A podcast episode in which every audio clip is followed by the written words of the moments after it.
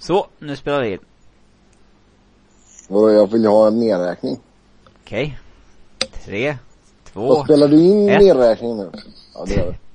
Ja, skitsamma. Hej allihopa och välkomna till Svenska fans NHL podcast. Mitt namn är Sebastian Norén och med mig så har jag som vanligt Niklas Wiberg och Robin Fredriksson. Eh, två ledsamma herrar vars lag rök i sjunde matchen. Vi eh, börjar med att snacka med Niklas om New York Rangers och Philadelphia Flyers. Eh, Niklas, hur mår du en dag som denna? Jag har varit en bitter människa hela dagen. Men... Lurigt Eh, åt främlingar och... ja. Nej. ehm, jag eh, hade lite ångest igår kväll för jag funderade på om jag skulle sitta uppe och se matchen och sova typ två timmar innan jobbet. Eller om jag skulle skita i matchen och sova inför jobbet. Och med facit i hand är jag väldigt nöjd med att jag valde att sova. Men alltså en game 7 i slutspelet borde väl ändå... eh, Nej, för jag visste, jag, visste, jag visste ju att de skulle förlora. Du visste att de skulle förlora? Det fanns inte en chans på kartan att de spelade två matcher på rad som var liksom eh, bra. Med tanke på att de vann och gjorde liksom det ändå hyfsat i, i match sex. Så, så som de har spelat det här jävla slutspelet så finns det inte en chans att de skulle göra två matcher på rad som var bra. Jag tycker de gjorde det väldigt bra i match 6 och Wayne Simmons med ett hattrick och sådär så. Fast det var, samtidigt så var det, det var fan kaosartat i första perioden. Det var väl lite flyt. Rangers hade ju fler, alltså... Ja, ja. Fan, det var ju, det var ju Ja. Steve Mason som, som fixade det. Och så han kom tillbaka har han ju varit fantastisk och han har ju enastående siffror. Mm. Så ska man slå ut det lite sådär så är det väl i princip Steve Mason som levererade på, ehm, ja, om man säger toppnivå. Den enda i laget. Sen är det väl några stycken, jag tycker Mark Strait var bra till exempel. Jag tycker Claude Giroux var godkänd. Eh, Mm. Han var inte alls något eh, han höll inte tillbaka laget och han var liksom inte dålig på något sätt utan han, var- han var liksom bättre än godkänd om man säger så. Eh, däremot skulle jag ju vilja att han varit ännu bättre. Vad tror du om eh, Giroux chanser när det kommer till uh, Trophy då? Såg att han blev nomi- nominerad idag? Eh, jag tror väl att det är eh, rätt kört. Eh, jag tycker definitivt han är värd en nominering som är topp tre, men jag tror Crosby tar det i rätt överlägsen stil faktiskt. Ja, det är ju Cr- Crosby och Ryan Getzlaff som är de andra nominerade. Getzlaff kommer väl ligga en bit för Gero också. Ja. Ja, alltså ni vet ju mitt hat för Getzlaff men jag hade nog fan röstat på honom alltså. Hart är jävligt svår liksom, vad fan. Betyder det att man är bäst i NHL eller betyder det att man är viktigast för sitt lag MVP som det är egentligen? För det är klart att ett lag som både har Malkin och Crosby, där skulle inte någon av dem vinna MVP egentligen. Eh, Ska man gå eh, på riktigt efter MVP så borde ju priset alltid gå till en målvakt i stort sett. Ja. Nej men just om man tittar på liksom vad, hur förutsättningarna har varit för lagen också detta året. Jag tycker liksom Anaheim är ute i, i västra konferensen som är rejält mycket tuffare än vad Pittsburgh har haft i East. Så Fast de har haft några sjuka skadeproblem. ja, det har de i och för sig haft. Han har ju burit ett eh, förstärkt AHL-lag på eh, sina axlar i princip. Ja, han har varit duktig. Ja, eh, Ja, han är alltid skär i duktig. själen att säga det, men han är rätt given för Hart i, i mitt tycke. Men åt helvete med Crosby, det är inte han vi ska prata om nu. Nej, utan vi ska prata om, om uh, Mats Zuccarello och Henrik Lundqvist. Eh, Ska vi ha någon eh, skandinavisk fokus här eller vad? Nej, absolut inte, absolut inte. Men jag tycker jag bara ändå- Sebbe som har hemlängtan. Ja, det har jag faktiskt. Uh, valborg och grejer, det saknar man. Uh, Fjortisfest. nej, Det du saknar. Valborg kan vara uppstyrt också vet du. Det behöver inte vara att man är ute och tjoar på stan. Ehm, men om vi kollar på Zuccarello då. Jag tycker ändå så han, är- han var ju bra under grundserien och jag tycker han har varit hyfsat bra här i, i första slutspelsrundan mot Flyers också och Alltså jag tycker, Man- han, jag tycker han var en av de hetare i Rangers. Jag, alltså det, det som gör mig så jävla bitter det är ju att jag skulle ju på något sätt skulle man ju ha större förståelse och vara mindre bitter om eh, Rangers skulle gjort en helt fantastisk matchserie och vunnit med 4-1 eller något sånt där. Då, då skulle man ju torskat mot ett eh, betydligt bättre lag. Eh, det, det kan jag på ett annat sätt eh, liksom hantera, om man säger så. Däremot, eh, det som gör mig så frustrerad nu är ju att den här matchserien var ju i allra högsta grad vinnbar. Det var ju så lite som egentligen om Flyers når en eh, lite bättre än normal nivå om man säger så. Så är den här matchserien eh, alltså definitivt eh, vinnbar så att säga. Det är det som gör mig så jävla bitter och man, man ska väl inte ta bort någon ära från Rangers efter att gå in och vinna en Game 7 och hela det där köret men eh, Känns som att ingen av lagen var väl jätte, jättebra egentligen. Nej, nej, inget lag var bra. Det det jag kommer komma till liksom. Och, och jag, jag tycker att Flyers i mångt och mycket gjorde Rangers bra. Jag tycker inte det var Rangers enbart som gjorde Flyers dåliga. Sen gjorde de mycket positivt som satte Flyers i problem. Det var, man kollar på vilka som uh, nätade i Game 7 liksom när det skulle avgöras. När det liksom, när det är Jeroen Nash, St. Louis och Voracek och de här Ja. stjärnorna som ska, det är liksom Danny hög Benoit. Pouliot och Jason Akeson som gör, gör målen liksom. Det känns som en trött grundseriematch där eh, Men alltså det var ju en sån, var ju en snuskigt tråkig jävla matchserie. Alltså man tittar på underhållningsvärde och rivalitet och intensitet och liksom hets och hela den där biten. Det här ska ju vara två rivaler och liksom när de nu äntligen efter så här många år möts i slutspel så ska det ju smälla hela tiden och liksom vi går in och möter Ryan McDonough som, nu hade han förvisso med hans mått mätt en rätt medioker matchserie. Men han spelar med en uh, halvsunkig axel och jag tror vi satte typ två eller tre tacklingar på honom under hela matchserien. Han ska man bara nöta sönder ju. mm. Då kanske han är bra i tre matcher och sen tar han slut. Istället för att han eh, kan spela alla sju till exempel på, på en hygglig nivå. För även om han inte var outstanding som han brukar vara i normala fall så var han ju fortfarande liksom slagkraftig på det sättet. Eh, vi gick inte efter någon av deras stjärnor på något sätt liksom. Jag vill ju att man ska vara på och nöta sönder Martin St. Louis och bara sjunger om det. Var, Vad, Varför var Ja. det ingen, alltså den här rivaliteten som inte syntes av? eh, Men hur mycket är de här spelarna egentligen med, alltså medvetna om rivaliteten är de ju, men hur inne i dem är i den på riktigt liksom? Nej men tittar man på det rent krasst så är det ju, alltså Rangers har ju inte ett lag eller en filosofi som eh, de hade tidigare Nej. eh, under eh, Tortorella nu när de har fått Winnow istället. Så det, det, det är ju en förklaring givetvis och de har ju inte riktigt de spelartyperna. Det var ju Dan Corsillo när han kom in och, och gjorde lite jävelskap och sen har de lite, ja den jävla mesen Dorsett och lite sånt här.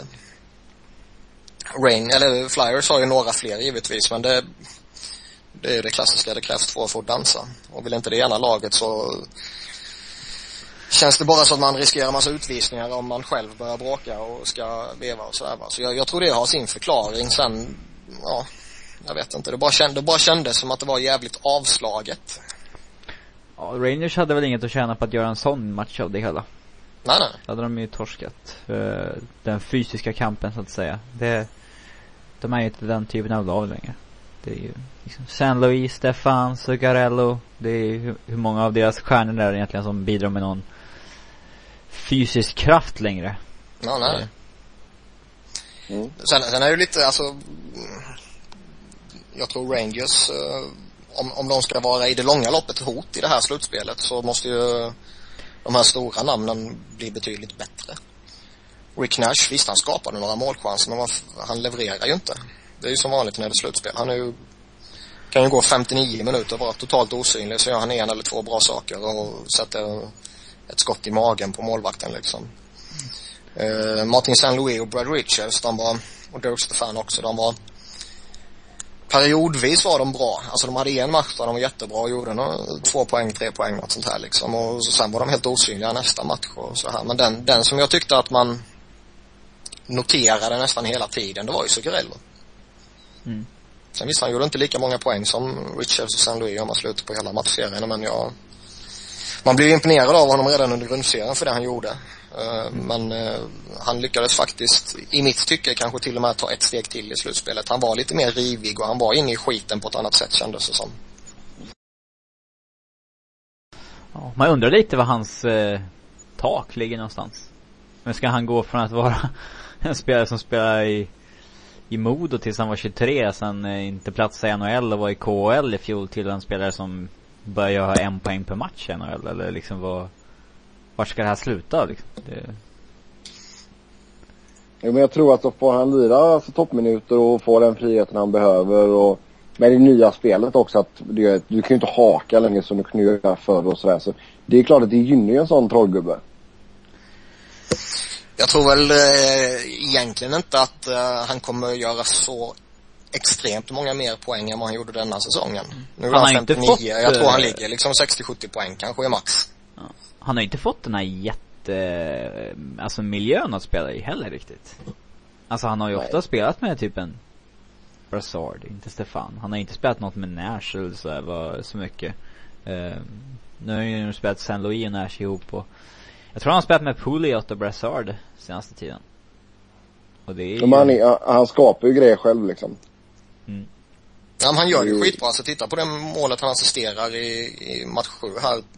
Om det var Carcillos, tror jag. Ja. När han vänder upp vid sargen och snurrar runt och vevar in den som, vad det ser ut som i alla fall, inte bara är en chanspuck utan det ser verkligen ut som att han har full, eh, full koll på det han gör. Tunnlar två spelare innan den går till Två flyersbackar innan den Ja, Det är lite flyt såklart men det är lite flyt samtidigt är det väldigt talande för eh, ett av Flyers problem det är att man är värdelösa kring egen kasse, både försvarare men framförallt eh, forwards. Ja Vad, om vi tittar framåt då för Flyers, Niklas. Eh, kommer Berube att vara kvar och vad behövs det göras för förändringar på spelarsidorna? Eh, jag skulle bli mycket förvånad om han inte är kvar, Craig Berube då. Ehm, jag tycker han visade under grundserien att han definitivt förtjänar eh, liksom chansen så att säga. Sen är det klart att det finns eh, lite saker som man kanske skulle önskat annorlunda i, eh, i slutspelet.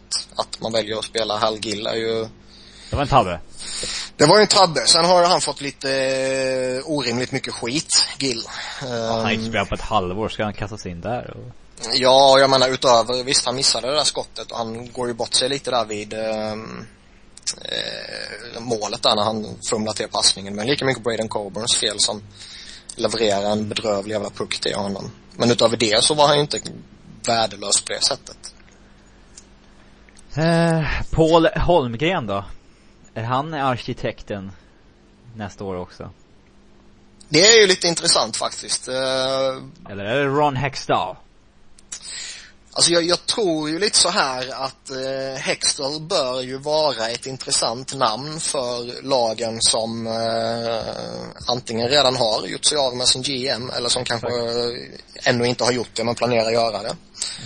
Vill Och, eh, eh, Flyers ha honom som GM så måste de nog nästan Alltså då måste de nog trycka in han nu i stort sett. Ja, det är lite det jag är inne på. Jag, jag tror det kan ske. Mer av anledningen att man vill behålla honom i organisationen än att man kanske är eh, eh, ja, trötta på Homer liksom. Att liksom Homer gör som vissa andra, att man tar en annan position och blir eh, högre upp i hierarkin så att säga. Ja. Det skulle inte förvåna mig ett dugg. Eh, sen samtidigt så, med tanke på hur man känner det här, eh, den här organisationen och med tanke på att det är Ed Snyder som i slutändan gör vad fan han själv vill göra, så eh, det kan bli en sommar som är helt eh, händelselös där man inte gör någonting utan man bara satsar vidare på den gruppen man har till att man spränger hela jävla skiten i princip till att man gör en sån här jättejävla superblockbuster under tra- eller draften som är i, uh, i Philly. I Weber style. Ja, det börjar redan ryktas om att eh, de kommer liksom eh, satsa stenhårt på um, En trade som vore kul att se med Webber dock, som inte har med Det finns ju lag som har intressantare delar att ge upp än Flyers kanske om Om Nashville ska skicka honom. Och det är ju Edmonton Oilers. Om de ger upp sitt ja vad har de, vad har de, andra eller tredje, tredje valet? Eh, D plus en Jordan Eberle kanske och någonting mer då och Nashville börjar ju förmodligen fundera på vad för typ av lag de ska vara i fortsättningen och det kanske inte är det här typen av lag de har varit förut och de har ju en återväxt på backsidan som är riktigt bra också så att de om de kan skicka en Webber och få en Jordan Ebel i ett högt draftval och drafta en Sam Reinhardt och sådär då har de ju kommit en enorm bit på vägen över en natt. Absolut. Uh, det, det vore kul att se.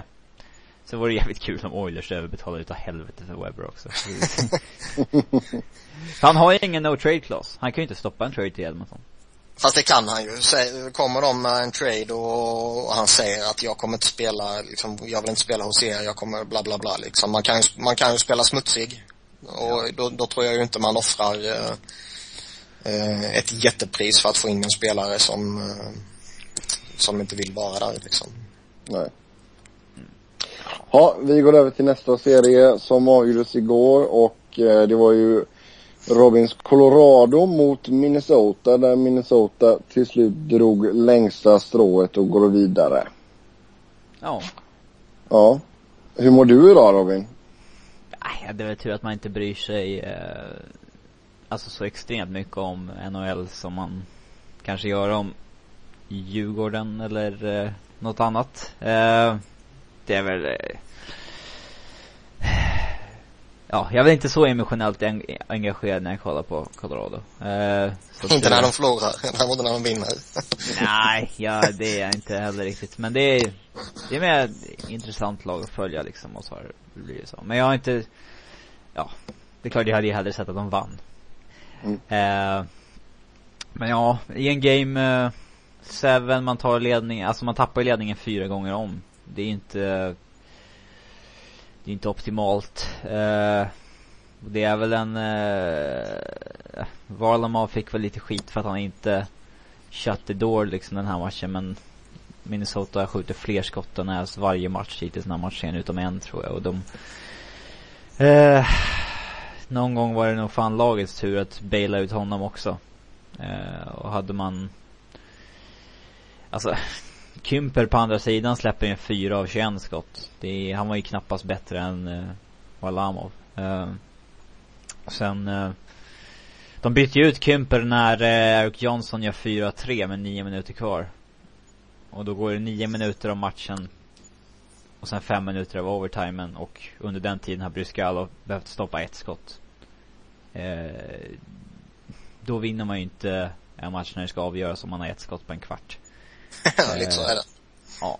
Eh, men jag tycker inte att det är liksom här de torskar serien på något sätt. Utan det... jag, jag skulle säga, det, det är ju ett problem, eller problem, givetvis är det ett problem, men jag, jag, jag tror liksom att leder man med 2-0 och man leder med 3-2, då ska man inte förlora en, uh, en matchserie. Mm. Ja. Uh... Men alltså hur mycket påverkar förlusten av Tyson Berry att man torskar den här serien?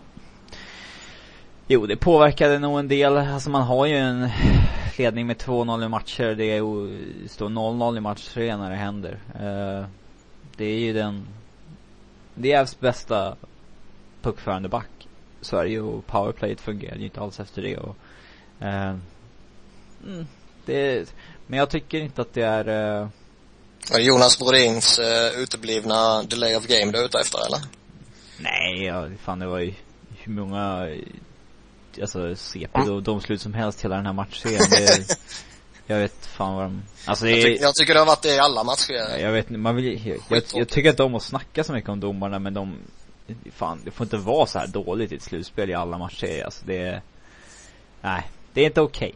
Okay. Uh, men ja. Nej men alltså på, på den frågan alltså, skulle man, detta är bara ett scenario. Skulle det vara, skulle ni tycka att det var okej okay om man satte en domare uppe på alltså typ pressläktaren eller vad fan som helst. En domare som har lite överblick och sen att alla har headsets och att man kan liksom se lite mer grejer den vägen. För jag menar liksom man måste ju förstå att de har ju en helt annan blick av spelet än vad vi har på TV eller när vi sitter uppe på läktaren eller pressläktaren eller vad fan som helst. Vad är det du vill se från pressläktaren?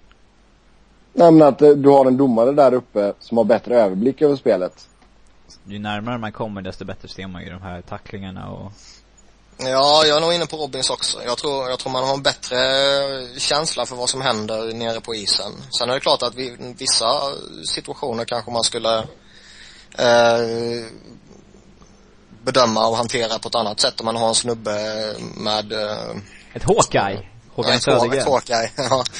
Eh, alltså, givetvis finns det en funktion som en sån snubbe skulle fylla, absolut. Men eh, sen samtidigt, det, alltså det, det finns ju fyra stollar på isen. Om man tycker att fyra stycken, även om det går jättefort och det är jättesvårt, så tycker man att fyra ska kunna hantera det på ett bättre sätt än vad de har gjort hela detta slutspelet. I, Man, man, alltså man kan ju, alltså jämföra det här med, med, alltså ta just Colorado och Minnesota. Nu minns jag inte om det var match fem eller sex. När eh, de först, eh, nej det var nog femman va? När eh, offsiden. 3-2 i matcher ja. ja. Ja, först offsiden. Att han missar en offside på några centimeter när det går så jävla fort. Det är ju, Ja, de är ju och liksom en meter if- ifrån honom då. Alltså de är inte ute på linjen så att säga att han nej han ju McKinnon som hoppa undan för att komma undan och kunna se någonting. Så jag menar, det, McKinnon- den är ju skitsvår. Den lastar jag inte han för alls. Ja. Däremot den här liksom uteblivna, ja om det är holding eller interference eller vad man vill ta det som i sekvensen innan den. Och Charlie Coyle, den är ju lite, lite udda. mm. Och den blir ju direkt avgörande. Ja, jag vet inte var eh, Jag vet inte var domaren står där. Eh, alltså han som är närmast och inte tar utvisning så. Jag vet inte vad han Hade han stått liksom på den tomma målets sida, då hade han ju sett att det är en hand ute på bröstet på Coyle. Står han bakom, då ser han väl kanske att han trycker han liksom axel mot axel och trycker undan honom eventuellt bara. Men det är Ibland så, man vet inte om det är rätt väg att gå att liksom ännu fler domare ska vara involverade heller. För det känns som att det kommer, kommer alltid Alltså det- vara någon det- som tycker att det är en utvisning någonstans och så Nå, någonstans är det, så länge det är en bedömningsfråga eh, och värderingsfråga så tror jag bara man skapar mer problem genom att involvera eh, fler eh, individer som ska göra någon form av bedömning. Ja, hur mycket? Han- Handlar det om ren fakta, alltså jämför med till exempel eh, fotbollen när de har infört det här eh, i Premier League med om bollen är över mållinjen eller inte. Där är ju ren fakta liksom. Det, det är ju inte en bedömning utan det är ju ren fakta. Ja, det var jobbigt om man ska ringa upp till någon Om vi snackar fotboll, ringa upp till någon domare som ska avgöra om det är straff via någon eh, kamera. Nej, det, är ju värd, det är ju värdelöst ju. Ja. Men där, däremot liksom just där, där det inte är något snack om saken. Där, där tycker jag definitivt tekniska hjälpmedel ska, ska kunna vara tillgängliga ännu mer än vad det redan är i eh, NHL också. Men man Om vi kollar på Minnesota lite snabbt då. Uh, Zach Parisi fick ju igång maskineriet här sent i serien. Vad har ni att säga om hans spel?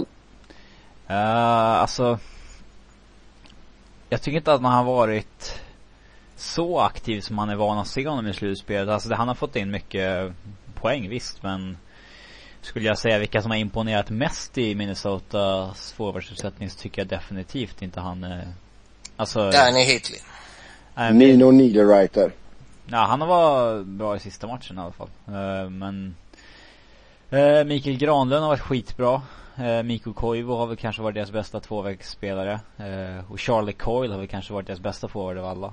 Mm. Eh, Det, det är ändå jävligt skoj att Danny Hitley har fem poäng och Matt Molson har två poäng.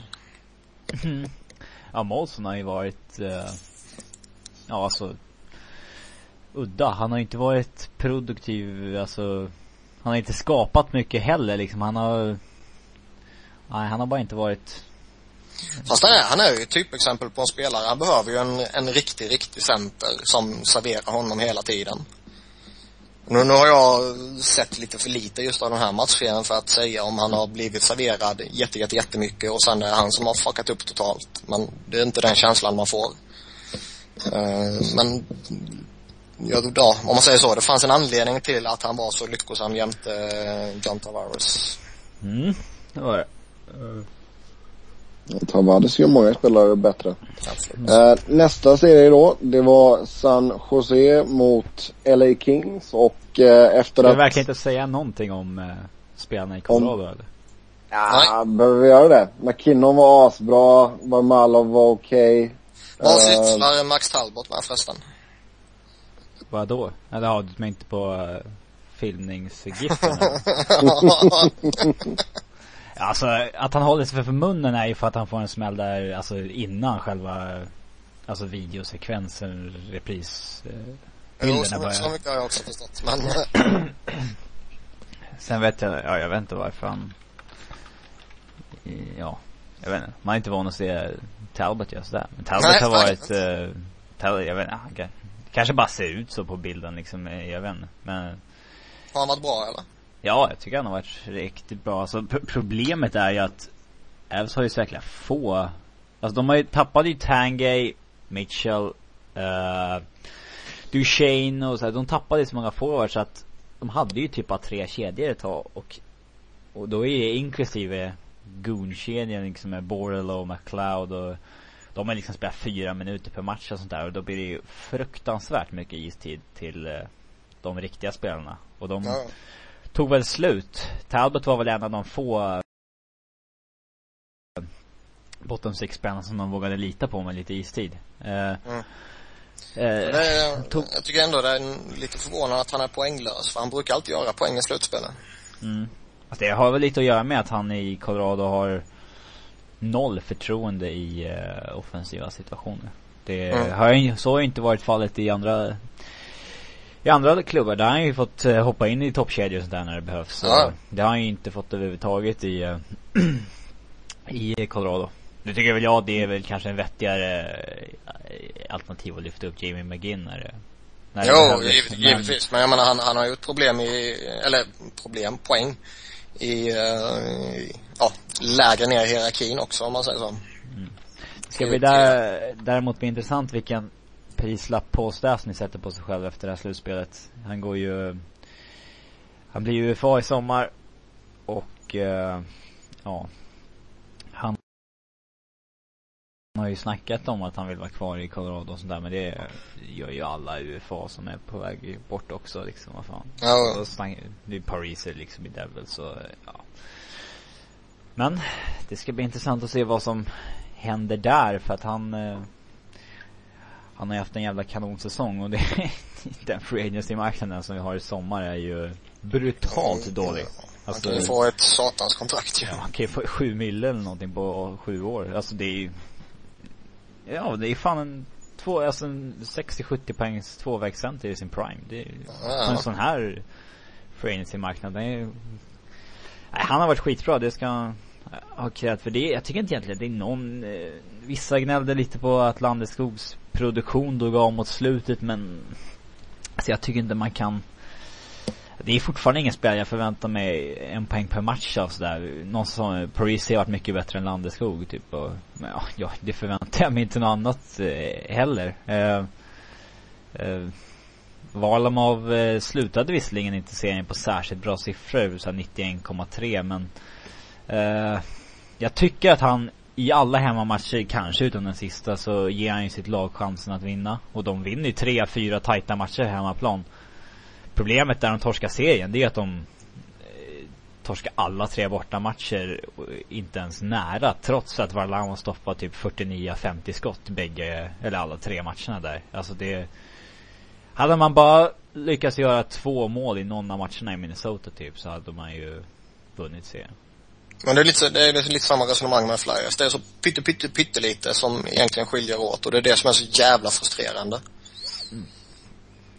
Ja, mm. så ja, alla är, jag är inte liksom besviken på någon. Jag, Jan Heida hade visserligen en, han hade en brutalt dålig eh, eh, han gick ju minus sex och kunde knappt, eh, alltså han hade ju flera turnovers som direkt ledde till mål. Och det var, ja han har nog aldrig haft så mycket Facetime på tv Han zoomade sig in efter varje mål men eh, jag, jag förstod inte varför det inte var mer snack om att han han missade ju de sista matcherna på grundserien och det ryktades att han hade en handskada. Och så var han fit for fight direkt i slutspelet och han kan inte hantera pucken och han tappar klubban konstant. Och... Det är lite jobbigt. Ja, och sen så eh, att det inte blir mer snack om att han förmodligen har en skadad hand då. Men sen så, ja, direkt efter matchen igår så kommer det ut att han har spelat med två brutna fingrar hela, hela matchserien liksom. En, en, en, tum, en tumme av och en, ja, ett, ett annat finger av. Eh, liksom är helt av liksom. Det, jag, jag skulle inte spelat. Men sen, man kan ju också säga att är man så dålig när man är skadad så kanske man inte ska spela eh, överhuvudtaget egentligen. Fast det kan man inte lägga på hand. Det är ju i så fall Nej. coachernas, eh, givetvis. Ja.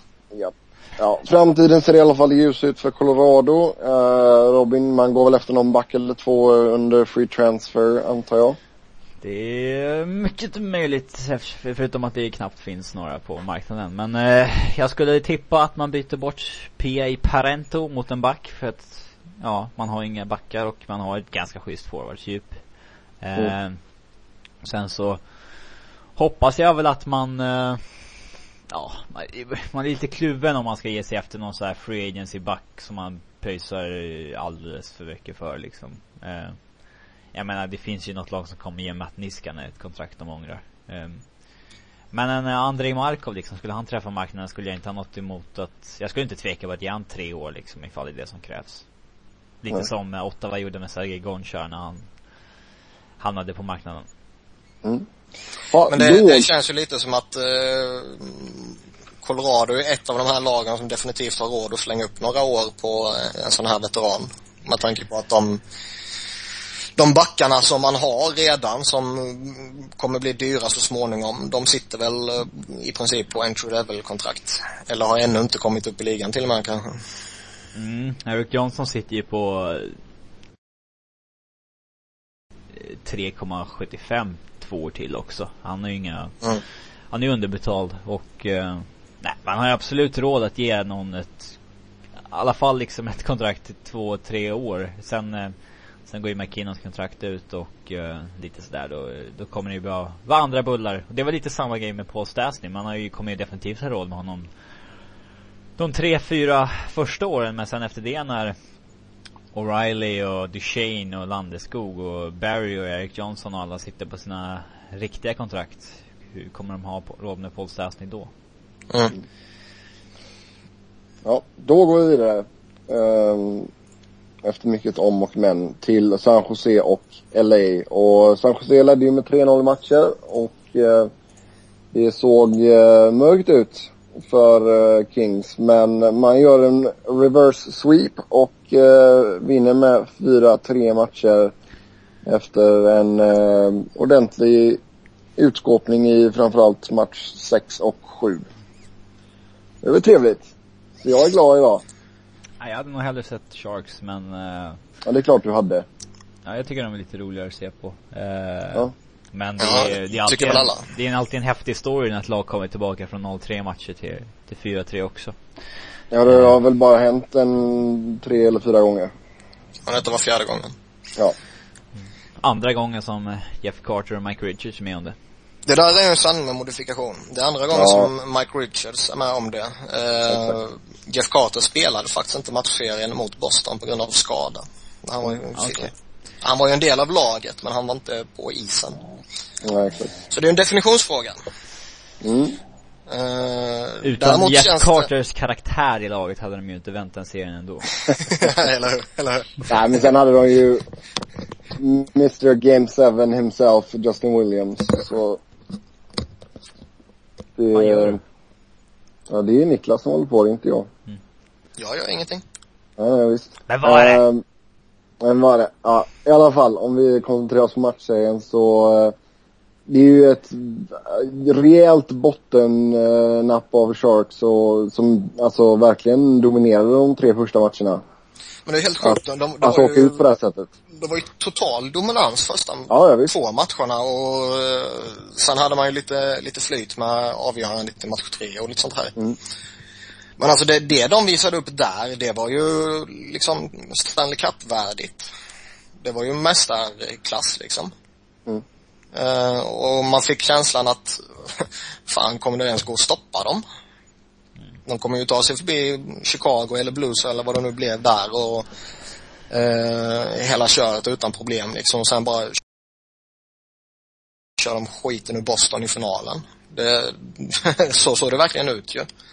Sharks är ju ett jäkla Alltså det har ju varit så här fem år. De är ju högsta, högsta nivån i NHL hela tiden men Fast det, det, detta måste ju på något sätt ändå vara liksom the defining moment av Mm. det här laget. Ja.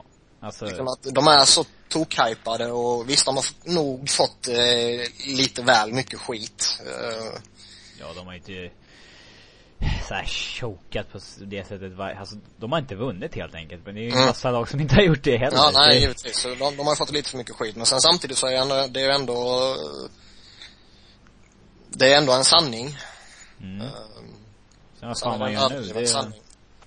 Nu, coachen ska få sparken tycker jag.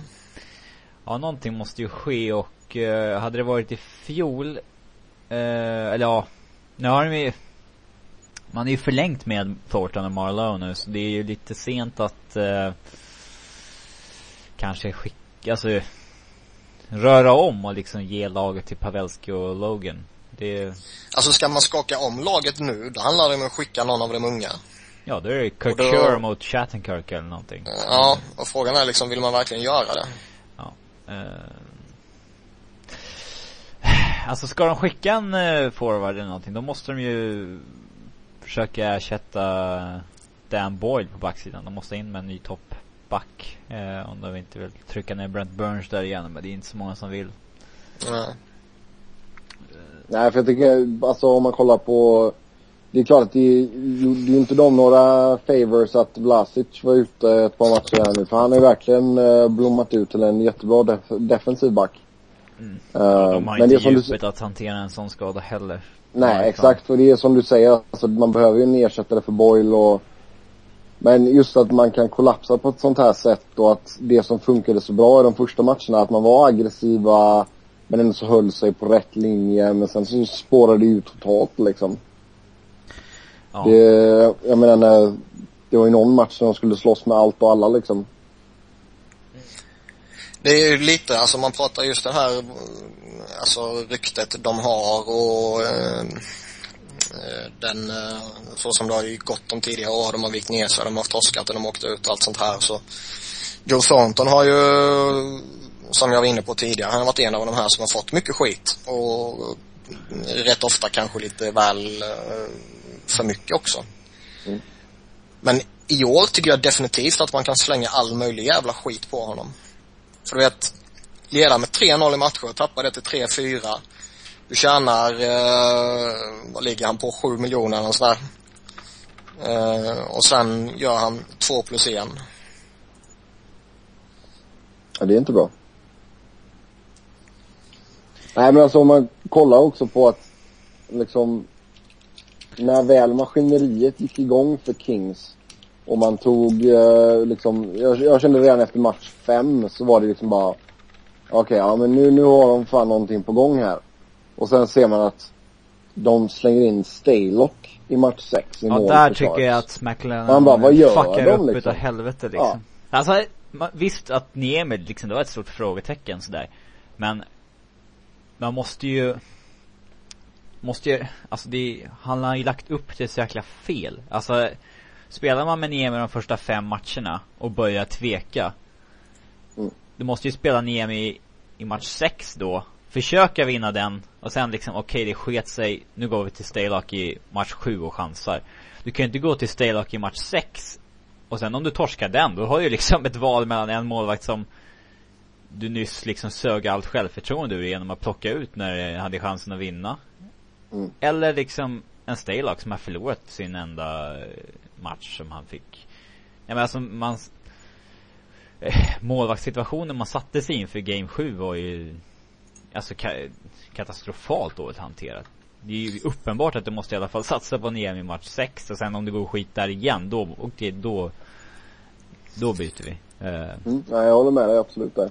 Det, det var en riktig tabbe av dem. Ja. Alltså, och sen Sen- att man går tillbaka, går tillbaka till Niemi då i match sju liksom. Det, Det fanns ju inget val som var rätt i match 7 men liksom Stelak hade torskat sin match och man hade redan liksom Tagit ta, Gått ifrån Niemi Fram, framförallt så tycker jag, jag håller med det ni säger, men framförallt tycker jag att man verkligen slänger Niemi under bussen.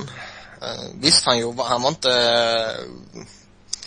eh, vad ska man säga, Bra. Han lyckas inte lyfta dem ur kollapsen eh, på det sättet. Men jag, kollapsen var inte hans fel heller. Även om inte, han givetvis var han inte fantastisk. Men han var ju inte liksom superduper jävla värdelös utan laget som helhet eh, har ju sin del i kollapsen om man säger så. Jo, jag menar liksom i de första matcherna, det var inte så att, alltså Quick eh, släppte in puckar till både höger och vänster men det fanns ju fortfarande ett förtroende för honom. Mm. Liksom även fast de man fick plocka ut honom i matcherna så Ja, nej, det var lite, lite fel gjort av San Jose där. Och jag tweetade ut i morse just det att liksom vad händer med McLellan nu? Kommer han få kicken? Och Niklas, du var ju snabb där. Och svarade ja. Kommer han få kicken eller så borde han få kicken? Ja, han borde ju få kicken men jag tror, Men kommer han få kicken? alltså Jag är väl tveksam till om han kommer få det. Eh, däremot borde han få det. För jag tycker ändå han har varit där en, eh, alltså tillräckligt lång period nu för att eh, en sån här sak eh, ska generera i en fot i arslet. mm. Så jag menar så- vara favorittippade och torska eh, i- efter sju matcher och leder med 3-0. Det, det är inte riktigt bra. Tidigare tycker jag att de har gjort det liksom rätt som ändå hållit fast vid honom. Att det har inte varit hans fel att det, Ja, det har jag eh, Men han blir ett ruskigt intressant namn på marknaden när han får sparken. Men han känns ju som en gammal dinosaurie. Men han har ju varit, för att han har varit med så länge som han har. Men snubben är bara 46. Och har Mm. liksom alltid spelat en rolig hockey liksom och eh, Ja, det är nog mer om mentaliteten av spelarna i det här laget som gör att de chokar än att det är någonting i hans ledarstil som gör att de Men helt plötsligt finns det ju faktiskt lite eh, hyggliga namn ute på marknaden nu. Inte som i fjol när liksom Canucks bara, ja det finns ju bara Tortorella. Nej men nu finns det ju en handfull intressanta namn. En McClellan, det, det hade varit en Snacka om helomvändning om Nashville skulle ta in en sån kille. Ja, Fast det, det, det som är jävligt intressant det är ju om lagen som eh, eh, har sparkat en coach eller funderar på att sparka en coach rättare sagt eh, men som var tveksamma nu agerar och gör det för att det finns så pass många attraktiva namn på marknaden. Washington och McClellan, det vore en bra fight. Ja, eller Washington och Tortorella. Ja, Gatmatch i båset mellan han och Ovechkin. jag tycker synd om Ovechkin betalat ändå. Nej. Mm. Nej men alltså om vi kollar lite på Kings då, så jag menar om vi lyfter fram några spelare där så jag nämnde Justin Williams tidigare. Jag tycker han har varit riktigt bra. Uh, Drew Dowdy har varit ruggigt bra också. Uh, Anse Kopitar har äntligen kommit igång och känns väl nästan lite som, uh, jag vet inte om det är för tidigt att snacka konstmajs om honom men uh, han har varit riktigt bra. Nej, för tidigt är det väl inte, men jag tycker det är allra högsta grad är eh, aktuellt när man, som han i mitt tycke var en av de eh, grundläggande anledningarna till att Kings lyckades vända. Ja, Jag eh, kommer alltid gilla eh, när det snackas Conn Smythe om utespelare och inte målvakter bara. Mm. Vad, vilka andra spelare kan vi nämna i den dis- diskussionen? Jonathan Toews måste ju definitivt nämnas. Mm. Ja, snackar vi ju bara om de som är, de som är kvar så att säga. Det, vi kommer väl kanske in på några när vi går igenom deras matchserie men uh, Getzlaff kommer ju alltid nämnas om de går långt och Ja det, det är kul om det går till någon back också någon gång. Det är ju skifan fan aldrig heller. Mm. ja, vi får se vad som händer och fötter. Um, ehm, vad tror ni då? Har Kings kommit igång ordentligt här nu? Kommer de fortsätta och ånga på här nu? Alltså, eh, snackar vi nästa matchserie nu eller? eller Nej, jag- nu tänker jag bara i, i generella termer här. Vi börjar, då, vi, eh, de flesta vet ju att de kommer möta Anaheim, antar jag. ja, då sparar jag mitt svar tills vi ska snacka om den serien. Okej, ja, bra. Då går vi vidare till nästa serie. Bra där Robin. Eh, vi går vidare till nästa serie och eh, vi kan väl ta Chicago, St. Louis Blues där Chicago vann med 4-2 i matcher och eh, där Blues hade en 2-0 ledning. Eh, det var exakt likadant scenario som eh, mot Kings eh, förra året. Där Sten avgör första matchen, Jackman avgör andra matchen. Och sen torskar man fyra på raken.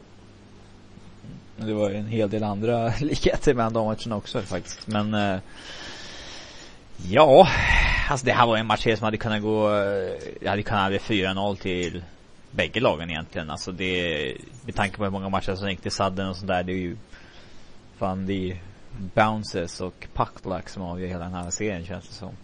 Sen är ju det här också ett typexempel på att man inte ska eh, överreagera bara för att du har 0-2 efter eh, de två första matcherna när du har spelat på Bortaplan. bortaplan ja.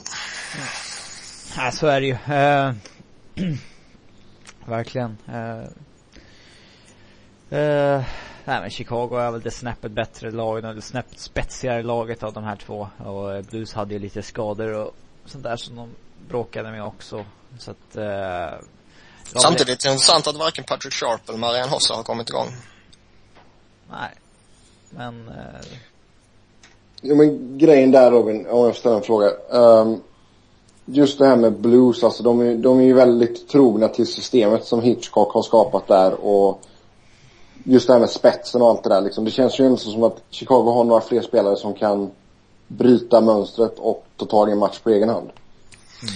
Alltså grejen, alltså så, så är det ju. Chicagos bästa spelare är ju som du säger, det är ju liksom superspets i ligan. Och, och som sagt då har vi inte ens räknat med Hossa eller Patrick Sharp som har gjort tre poäng tillsammans tror jag uh, Medan Blues bästa spelare liksom, det är David Backes, Alexander Sten i princip. Uh, Tarasenko ska man lyfta fram för jag tycker han gjorde det jättebra. Tarasenko och som... Schwartz som är de som kan bryta sig. Det är lite mera djup, eh, alltså det är inte killarna de har i fronten på samma sätt som i Chicago. Nej men liksom, nej men du vet Backes och Sten, ta dem till exempel. Det, det är liksom jätteduktiga spelare, pålitliga forwards, eh, eh, forwards för hela det här köret. Men liksom, de har ju inte den här offensiva spetskompetensen. Nej. Och den går inte att skaffa över en sommar heller. Det är, det är bara inte det laget de har. Många snackar, de måste in med en första center liksom. Ja men kanske var femte år som en sån finns på marknaden och den som fanns i fjol stal Dallas. Mm. Eh. Men om vi kollar alltså just, vi snackar om McLellan borde få kicken. Borde Hitchcock få nej, gå från St. Louis? Nej, nej, nej. Ja, jag tycker verkligen, verkligen inte det i alla fall. Alltså, nej, jag håller med Robin. Det, det... Däremot så bör man ju kanske fundera på uh, Ryan Miller. Alltså, Ryan Miller kommer väl inte signa där. Han kommer ju hamna i Anaheim. Om vi, eh, alltså många säger att eh, de har åkt ur i första rundan för många gånger nu Blues. Men jag ser fortfarande dem som ett lag som är liksom på uppgång eller vad man ska säga. För att liksom Tarasenko och Schwartz de här, de är inte riktigt där än och, ja fan det, de får ju möta Samma Chicago sak med i deras, första liksom, alla backarna. Ja, så Peter Angelo och Chat, det är ju killar som bara kommer bli bättre. Och Alltså jag tror nyckeln för Blues är att inte överreagera över att man åker ut i första rundan. Nu, man fick fan möta liksom Chicago för att, just för att Central Division var så jävla bra så att det var två topplag som tvingades möta varandra. Eh, Mm. Och det, alltså sparkar de Hitchcock så finns det ju en, då kommer det bli en huggsexa i sommar om den, den coachen. Det, det, det är det inget snack om. Eh, nej jag tycker inte att de ska Ja, de har, de behåller fast vid honom starkt för att han passar det här lagbygget jävligt bra och uh, med unga killar på uppgång som Jaden Swartz och Tarasenko så kan det här bli ett lag som eh, ja, blir en powerhouse i West eh, många år framöver och Mm. det, Nej, de är på De- uppgång snarare än att det är något lag som har misslyckats och det måste till förändring, tycker jag. Jo men det är klart att de har oflyt som får möta regerande mästarna i första rundan på grund av att Ja, Sen dels på grund av att de hade en jävla... kollapsar man som de gjorde mot slutet av säsongen så är det inte oflyt. Nej men hur många spelare hade de skadade de där sista matcherna egentligen? De många? hade fem, sex av Det- deras Nyckelspelare. Eh, absolut, det måste vara, men man ska inte torska så som de gjorde. Nej, de, Vill jag bestämt hävda i alla fall. mm, de hade det behövt vinna typ en eller två av de sista sex för att inte Colorado skulle gå om dem. Eh, Ja. Och det misslyckades de ju med. Men, eh, alltså att, att de åker ut mot Chicago i en serie som hade kunnat gå hur som helst egentligen, det, det är svårt att lasta dem för. Ja, nej det ska man inte överreagera på som du säger. Det, det håller jag med om helt och hållet. Niklas, du nämnde Ryan Miller lite där och eh, jag tror att han hamnar i Anaheim. Um, tror ni att han kommer... eh, Det snackas ju om Anaheim och Miller men det vore ironiskt i och med att det alltid snackas om det Anaheim som det laget som har störst målvaktsdjup i hela NHL. Att han Ja, ja, ja Skulle absolut. han Alltså, jag menar med, med, Gib, med Gibson och uh, Andersen så är det klart att de har bra djup så sett. Men Uh, hur mycket litar Hill- på Andersen efter det här slutspelet? Ja, det är ju det som är frågan och jag, jag tror inte att de kommer signa Hiller igen. Uh, och, Nej, vi vet att, och, vi vet, och vi vet ju att Ryan Miller vill till västkusten liksom. Men frågan är om de borde släppt eh, fast. Alltså hade de eh, Hade de släppt Hiller hade det kanske varit en liten okej försäkring att ha kvar fast och Andersen om de ska ta upp Gibson ifall han liksom inte Att gå in nästa säsong med Gibson och Andersen det kan ju bli lite, ja. Det är, det är Ja. väldigt risky. Nu är inte fast någon jätteförsäkring men ja, man vet ändå vad, att han Att han kan vara en Ja. stabil NHL-målvakt. Ja. mm. Men ja, ja. Nej men Miller, vad har, ni att alltså, det- säga, vad har ni att säga om Millers serie? Hur tycker ni han skötte sig? Han är väl, eh, Han var väl varken urkass eller eh, skitbra. Mm. Utan jag skulle säga han var, ja. han släppte ju Precis några- mitt emellan. Han släpper några enkla men han, eh, Många av de mål han släpper in var ju när det var kört i sista matchen. Liksom. Som eh, skjuter hans siffror lite... ja jo, jo men om man tittar på målen han släpper in och inte bara siffrorna. Så jag menar det, vissa mål är ju, bör man ju ifrågasätta. Mm. Eh, när han är, han är ju trots allt fortfarande väldigt, väldigt bra. Även om han kanske inte är riktigt så bra som han var för en tid sedan. Nej.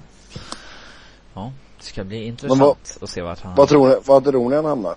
Om ni får ge ett, en liten, eh, en liten, ja vad ska man säga, sia lite i framtiden om Miller. Jag säger Blues eller Anaheim. Får man uh, säga två? Ja, du får la dubbeldippa där. Ja, fan jag är redaktör, jag bestämmer. Jag får, Ja. jag får säga två. Ja. Jag tror inte att han kommer... Jag tror att han kommer ha ett bud från Islanders men jag tror inte han kommer lockas av det. ja, nej, Eh, fan. eh, jag tror att han blir kvar i Blues. Okej. Ja, eh, nästa serie då. Anaheim mot Dallas. Där Ducks tog eh, 4-2 i matcher. Eh, Ryan Getzlaff som sagt, han eh, käm- en riktig kämpe där. Han tog en puck i nyllet och kunde varken prata eller så, så såg han ännu vidare ut än vad han i vanliga fall gör. Eh, spelar med helvisir och grejer. Eh, man kan ju inte ifrågasätta hans kämpaglöd i alla fall. Nej, inte alls. Jag måste säga det, och det har jag ju nämnt några, några gånger på lite alla möjliga ställen, att jag, jag gillar ju att Dallas gick efter honom stenhårt. Eh, det var väl början i match två, tror jag. Eller om det började i match tre kanske, men han hade fått det här problemet, de var uppe med handskar i, i ansiktet på honom och liksom såg till att peta till det där skyddet han hade och sådana här saker. Och de hämtade upp 0-2 till 2-2. Så jag menar någon form av effekt eh, kan det mycket väl ha fått. Mm. Och det är så jag vill man ska spela i slutspelet. Men kändes det inte ändå så som att, jag menar vi snackar ju ofta om att eh, secondary scoring är väldigt viktigt och sådär i slutspel och det visar väl egentligen bara på att Ducks hade ett bättre, bättre djup än vad Dallas hade på framförallt forwardsidan.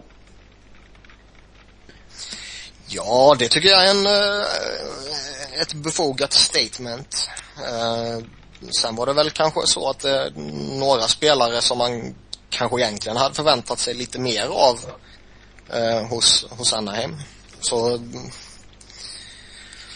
Alltså de, de, känns fortfarande lite så här, eh, alltså som man pratade om innan slutspelet då igång, att är de verkligen så bra som eh, eh, tabellpositionen indikerar och hela den där biten. För på något sätt känns det som att de, Nej, det kan gå lika gärna gå Dallas väg.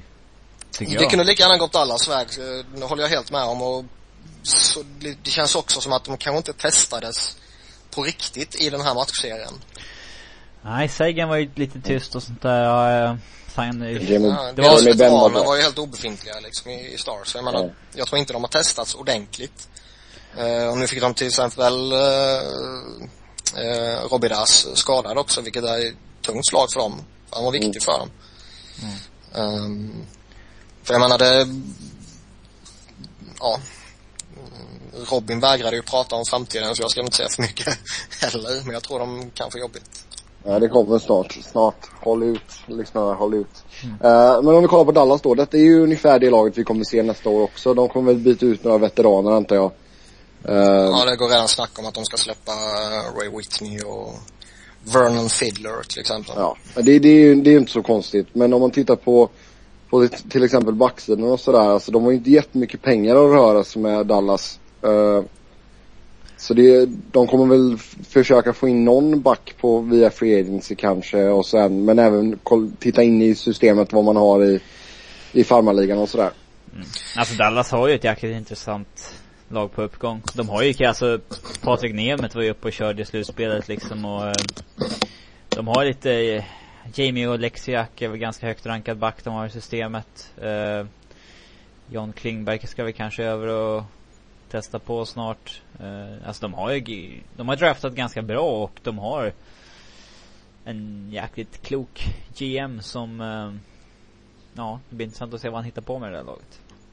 De har ju något jävligt spännande på gång bara de har tålamod. Mm. Bara de hittar rätt veteraner. Uh, Eric Cole var ju fel veteran till exempel. Nu har han fortfarande ett år kvar. Och Så det, man kan kan måste leva med. Och det är samma Man- sak med Horkoft, kan de leva med att ha, ha kvar Hor- ett år. Horkoff tyckte jag var bra i slutspelet till och med. Ja. Han var en av de här veteranerna som, som inte svek. ja. Nej men jag menar Whitney var ju till och med healthy scratch. Han var ju inte, Nej, men han är ju gammal. han är ju slut nu. Det märker, det märker, på tal om gammal, det märker man på cellerna också. Ja. Tyvärr. Sel- ja, vad var det? Jag läste någonting om att Sellerna kanske ville köra KHL. Ja, Jokerit eh, ju in i KHL och, och var någon jävla att han vill tillbaka och spela en sista säsong i sin, i sin klubb och bla bla bla. Men det, det, det känns som att det blir eh, pension eller med en eh, väldigt liten sannolikhet eh, ett år till i Anaheim. Nej, jag hoppas på Jokerit och så går han in som sportchef där sen. Han gör en Sami Kappanen och blir spelande GM typ. Ja. Det är fint. Trailar bort sig själv Ja. lack. Ska vara Eh, GM och spelare i ett annat lag sen. Ja, exakt. ja, det var mäktigt. Ja, eh, något annat vi vill tillägga om den serien? Vad tycker vi om spear, spearing-incidenterna till exempel? Ja, jag vet inte vilka det är du snackar om faktiskt. Ja, det har ju varit, eh, vad var det, Garb, var det Garbat som spelade Corey Perry och Corey Ja. Perry spelade en annan och, Det har varit mycket sånt skräp i det här slutspelet. Ja. Ehm, och det, ligan skiter ju i det. Det ger ju liksom inga, visst man får, uh, Milan Lucic fick ju några tusen i böter och uh, Gorbat fick uh, aningen mindre eftersom han tjänar mindre än Lucic. Det är ju baserat på Det är ju, det är ju helt, det är ju helt rätt. Det är ju helt rätt. Sen är det ju töntiga summor. Garbat ska ju inte tjäna lika mycket som Lucic. Nej, det, har, Ja, det håller jag med ja, Garbat alltså. Ja, nej, jag vet inte riktigt vad jag tycker om den killen. Faktiskt. Eh, nästa serie då. Vi, eh, ja, vi kan väl gå över till Pittsburgh Penguins och eh, Columbus Blue Jackets. Eh, Pittsburgh vann med 4-2 matcher, men jag tycker ändå så Columbus gjorde, gjorde bra ifrån sig och de fick äntligen vinna en slutspelsmatch och lite sånt där. Så eh, det är väl inte helt doom and gloom i Columbus-lägret, antar jag. Även om man alltid ska vara missnöjd över att åka ur slutspelet så tycker jag ändå att eh, uh, Jackets kan lämna slutspelet med eh, ett gott betyg och eh, ska vara nöjda. Eh, för de hade, visst, visst de, de hade liksom chans att vinna den här matchserien och det är ju givetvis bittert. Det, det är som, vi snackar både om, om Philly och, och Colorado liksom, att man är så nära och det, det gör hela saken jättebittert. Men Eh, med tanke på vad de har varit tidigare år så är det här ett stort steg i rätt riktning för dem. Att vara i slutspelet och faktiskt spela jämnt med eh, stora mäktiga Pittsburgh som man väl ändå får kalla dem liksom. Ja. Sen skulle det nog varit, eh, tror jag, en helt annan matchserie om Evgeni Malkin skulle kommit igång från match 1 och Sidney Crosby skulle kommit igång fullt ut överhuvudtaget. Ja, det är klart. Nej men alltså det är ju det som är frågan också så det, det är så svårt att sätta fingret på, på Penguins ändå för de har ju de, de mest riktiga storstjärnorna och sen en målvakt som verkar vara helt okapabel till att spela i ett slutspel. Um, så jag menar liksom, sista matchen där, jag menar Penguins ledde med 4-0 och så whip så var det 4-3 och man bara, vad gör, vad händer liksom? Ja, nej det är, något märkligt är det och jag tror väl inte bara det är uh, spelartruppen det är fel på utan jag, jag är en av dem som är, uh, om man säger så, uh, hela, hela ligan är ju tudelad till Dan Bylsmas eventuella storhet. Uh, antingen tycker man att han är en av ligans bästa coacher eller så tycker man att han är en av ligans sämsta coacher känns det som. Och jag är väl kanske, hör väl kanske till den senare kategorin då. Alltså, han, sen är ju frågan, det är svårt Ja. att veta om det är han som om det är han som håller upp eh, Alltså han ja, Det är väldigt svårt att veta om det liksom Det är han som gör att de inte är bra i slutspelet eller om det är han som gör att de tar sig igenom många av de här skadorna de har hela tiden. Det Mm. Fan jag, ja. Vi får se den dagen de sparkar Bylsma. Ja, Mm. men sen om man kollar just på Penguins lagbygge också. Uh, Robin, har du upp uh, Penguins på Capgeek? Det kan jag ta upp inom fem sekunder. Ja. Nej men just om man kollar på lagbygget och sådär och vad Cherry har gjort. Så jag menar det ligger ju väldigt mycket pengar på eh, få spelare. Jag menar man, om vi kollar på uh, cap-hitten bara då, inte lönerna nu. Så jag menar, då är Malkin på eh, över 9 va? Han Och Nio, du- nio och en halv. nästa Ja, år. sen har du Cro- Crosby på 8,7. eh, Fleury på 5. Uh, Paul Martin på 5. Letang 7,25. Så jag menar liksom redan för, nästa för nästa år om man tittar liksom förbi detta slutspelet så Ja, hur många spelare har man under kontrakt Robin? Hur mycket är man Det- redan uppe i? Det är rätt, eh, de har ju en målvakt när Samuel signad. Eh, Ja, Säthoff. Sen har de ju, ja, fem backar under kontrakt om man räknar med Bortuso. Ja. Och sen så har de ju sju forwards under kontrakt och de har 15 miljoner kvar i capita. Eller cap. Det, Ja. De måste signa bra många nya Chuck Hobasus och sådana där på under en miljon som kan fylla ut deras bottom six. Det är, Fast det är väl så det- man får jobba det är när man har ju stjärnor liksom. Det är, det är en problematisk situation givetvis, men sen samtidigt så har de ju,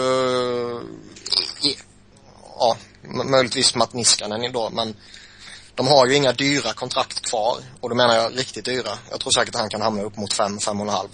Eh, Ja, Niskanen kommer de inte kunna signa.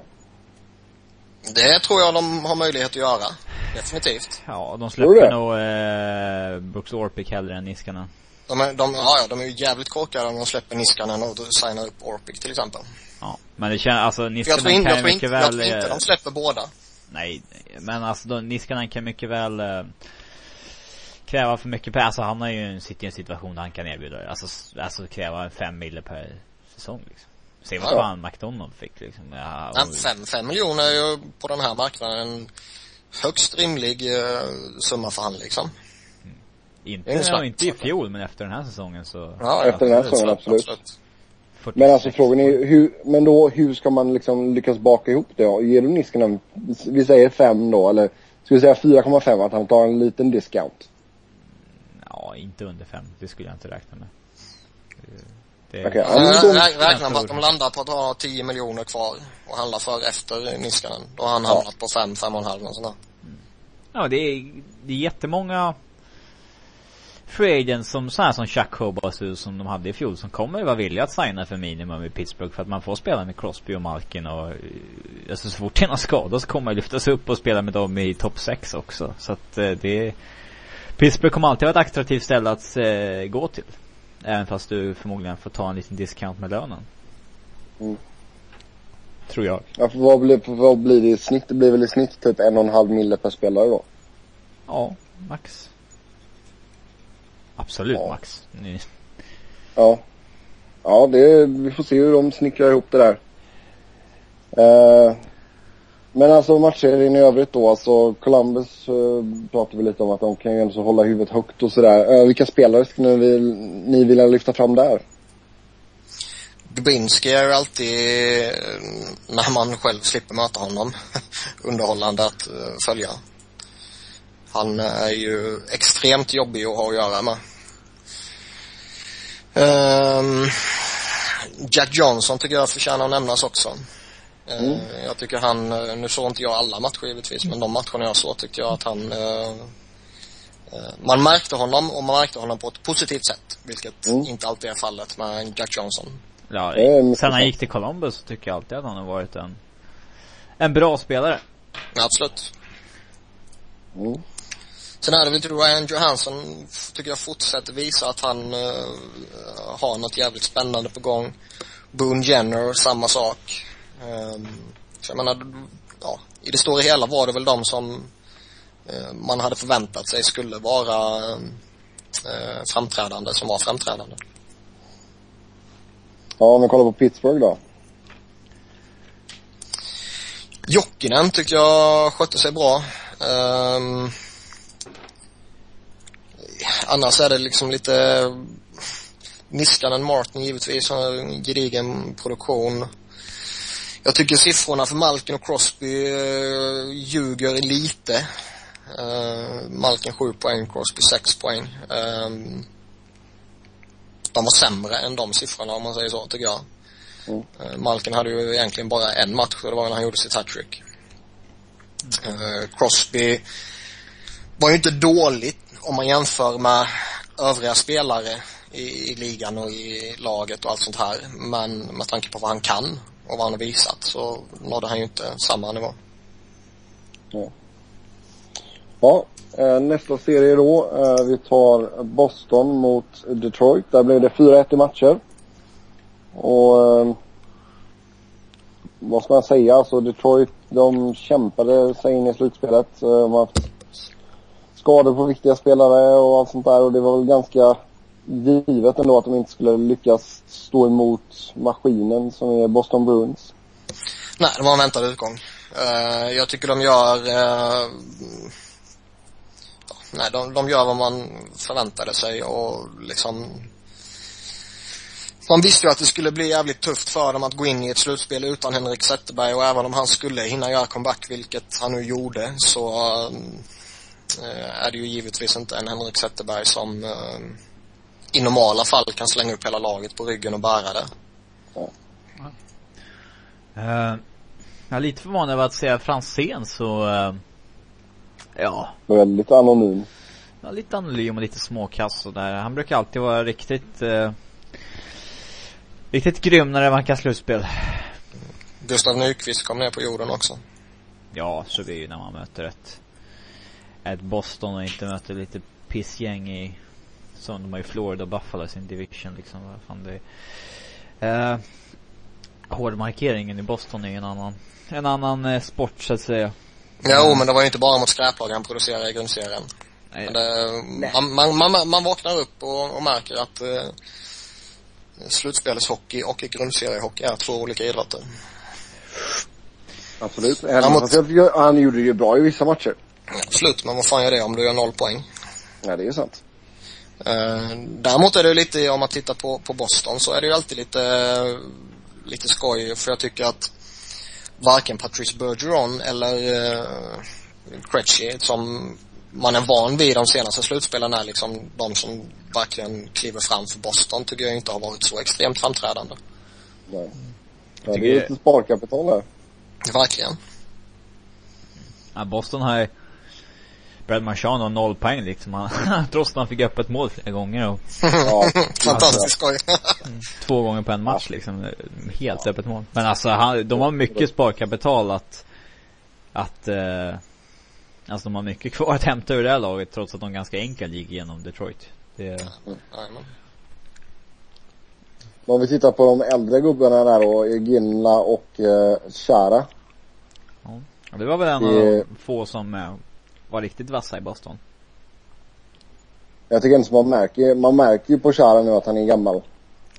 Han har märkt länge. Han har lite annan roll också. Är... Efter Kruger kommit in. Han får inte samma mm. Man, jag tycker man, man märker på honom också att han uh, även om han börjar bli gammal så har han fortfarande förmågan att spela i grundserien. Eh, Alltså det, det som Lidström och Chris Pronger och de här innan han gjorde så fantastiskt bra att de spelar under grundserien och kon, liksom spara sina krafter men är ändå en av ligans bästa backar till exempel. Och sen kan de uh, lägga i ytterligare en växel i slutspelet. Uh, mm. Trots att de är lite gamla och trots att de är lite långsamma och trots att de är lite, lite så här.